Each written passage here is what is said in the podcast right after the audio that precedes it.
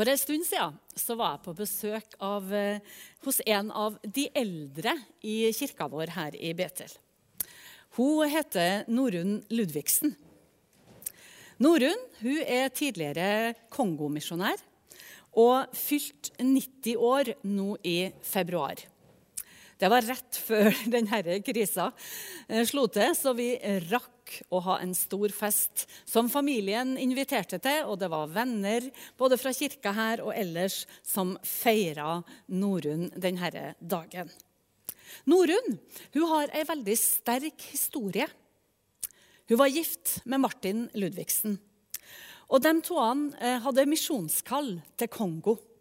Og Dit reiste de på 60-tallet og var misjonærer, og Martin var også flyver. Livet så bra ut og fint ut. Men på en flytur den 24. august i 1974 så forsvant flyet med Martin. Han var på en flytur, og flyet forsvant med han og to nasjonale. Det skulle ta hele 29 år før denne familien fikk svar på alle spørsmål de hadde. Etter 29 år som sagt, så ble flyvraket funnet i Kongo sin jungel, og familien fikk svar. Jeg satt sammen med Norunn, og så satt vi jo der og samtalte om livet og forskjellige ting som hun har opplevd. Og Så kikka hun på meg, og da sa hun en setning som brente seg fast i meg.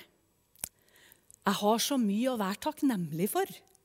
For Gud har vært så god med meg og med mine. Rent menneskelig så kan jo dette virke som et litt sånn kontrastfylt utsagn. For hvordan kan man si det etter å oppleve noe sånt? Et slikt tap? Et traume?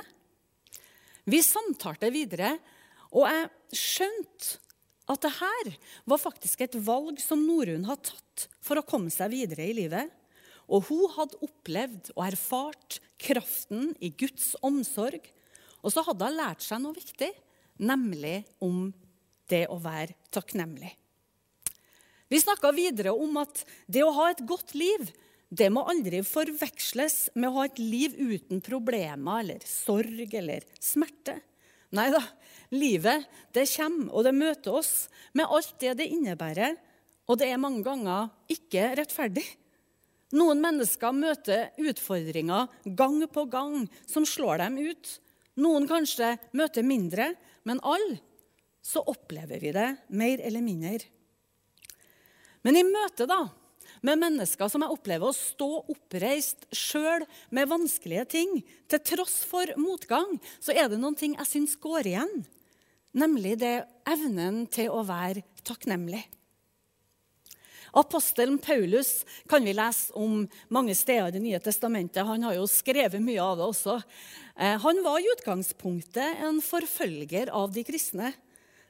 Han eh, forfulgte Jesu Kristi disipler, og eh, han var en motstander av evangeliet.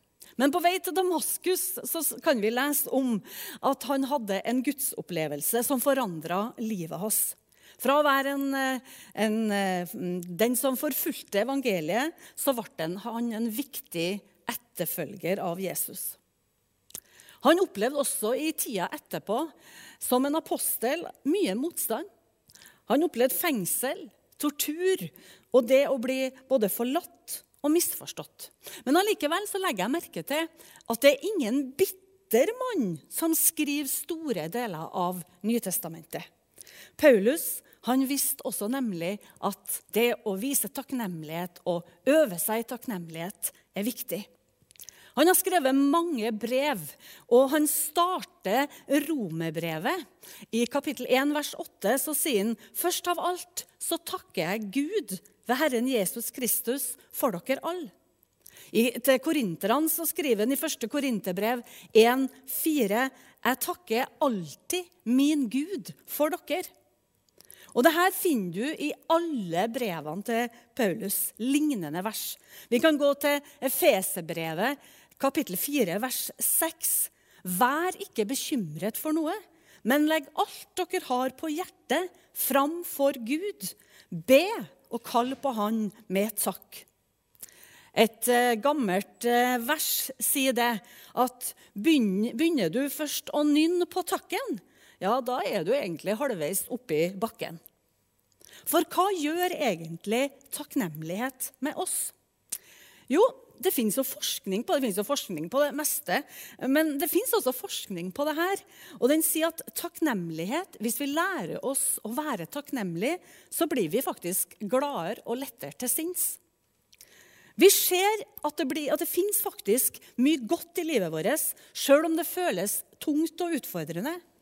Takknemlighet hjelper oss til å tenke på at det er lettere å være fornøyd med det vi har, istedenfor å sukke over alt det vi ikke har. Den samme Paulus han sier videre i Filippebrevet i kapittel 4, vers 13.: Alt makter jeg i Han som gjør meg sterk. På slutten av 1800-tallet og begynnelsen av 1900-tallet så levde det en forkynner, predikant, i Storbritannia som heter John Henry Jowett. Han eh, eh, sier en del om det å være takknemlig. Han sier nemlig at takknemlighet er både en vaksine, en motgift og et rensemiddel. hallo, Han kunne ha skrevet rett inn i koronatida. For eh, vi snakker jo veldig mye nå om både vaksine og motgift og, og rensemiddel. Hva mener han egentlig med det? Jo, han mener at takknemlighet er akkurat som en, det er som en vaksine som kan hindre smitte fra en utilfreds, motløs ånd. Som eh, motgift så kan faktisk takknemligheten slå ut giften fra kritikksyke og knurring. Som et rensemiddel så kan takknemligheten lindre og helbrede den mest bekymra ånd. Wow, ganske kraftige ord. Det sies jo at det tar ca. 21 dager med gjentagelse før noen ting har blitt til en vane i livene våre. Hvorfor handler denne prekena i dag om takknemlighet? Jo, jeg tror at i den tida her så kan vi kjenne på mange slags følelser og utfordringer. Vi er mye hjemme. Vi skal i hvert fall være mye hjemme. Og vi kan jo gå oppå hverandre og tære litt på hverandre og kjenne litt på spenninga. Eh, noen ganger kan det være godt å gå utafor døra, ha igjen døra og bare stå og tenke seg litt om. Finne ut er det noen ting jeg kan fokusere annerledes på nå. Du finner noen ting hvis du leter. For takknemlighet er nemlig et valg. Jeg kan velge å legge merke til de positive og gode tingene i livet mitt. Corrie ten Boom, som var en nederlandsk skribent, forkynner, eh, som eh, bl.a. under krigen, eh, hvor hun og familien hennes gjemte og skjulte jøder. Dette gjorde at hun og søstera havna i konsentrasjonsleir i Ravensbrück i Tyskland.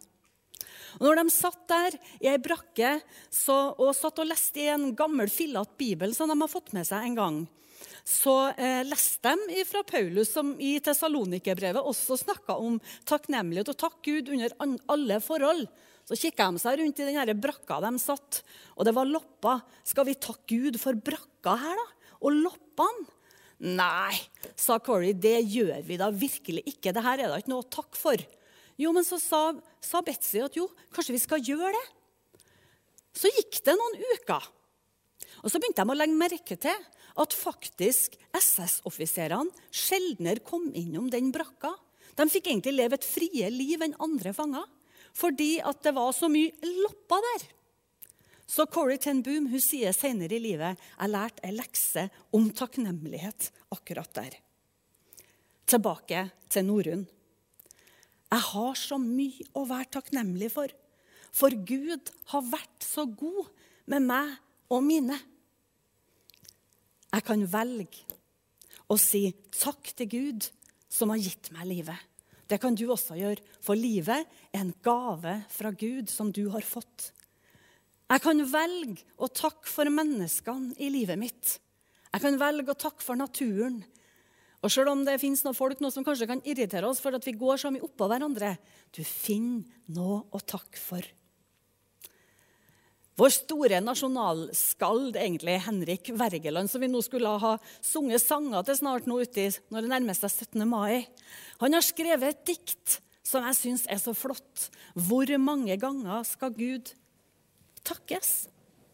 Så sier han så mange ganger som det er sand på havets bunn, på flodens strand, som det er blomster på eng om våren, som det er dråper av blod i åren som det er takstein på kongens slott, som man har venner når alt går godt, som det er bølgende gress på marken, som det er levende dyr i arken, så mange ganger, og flere med, skal Gud lovprises i evighet.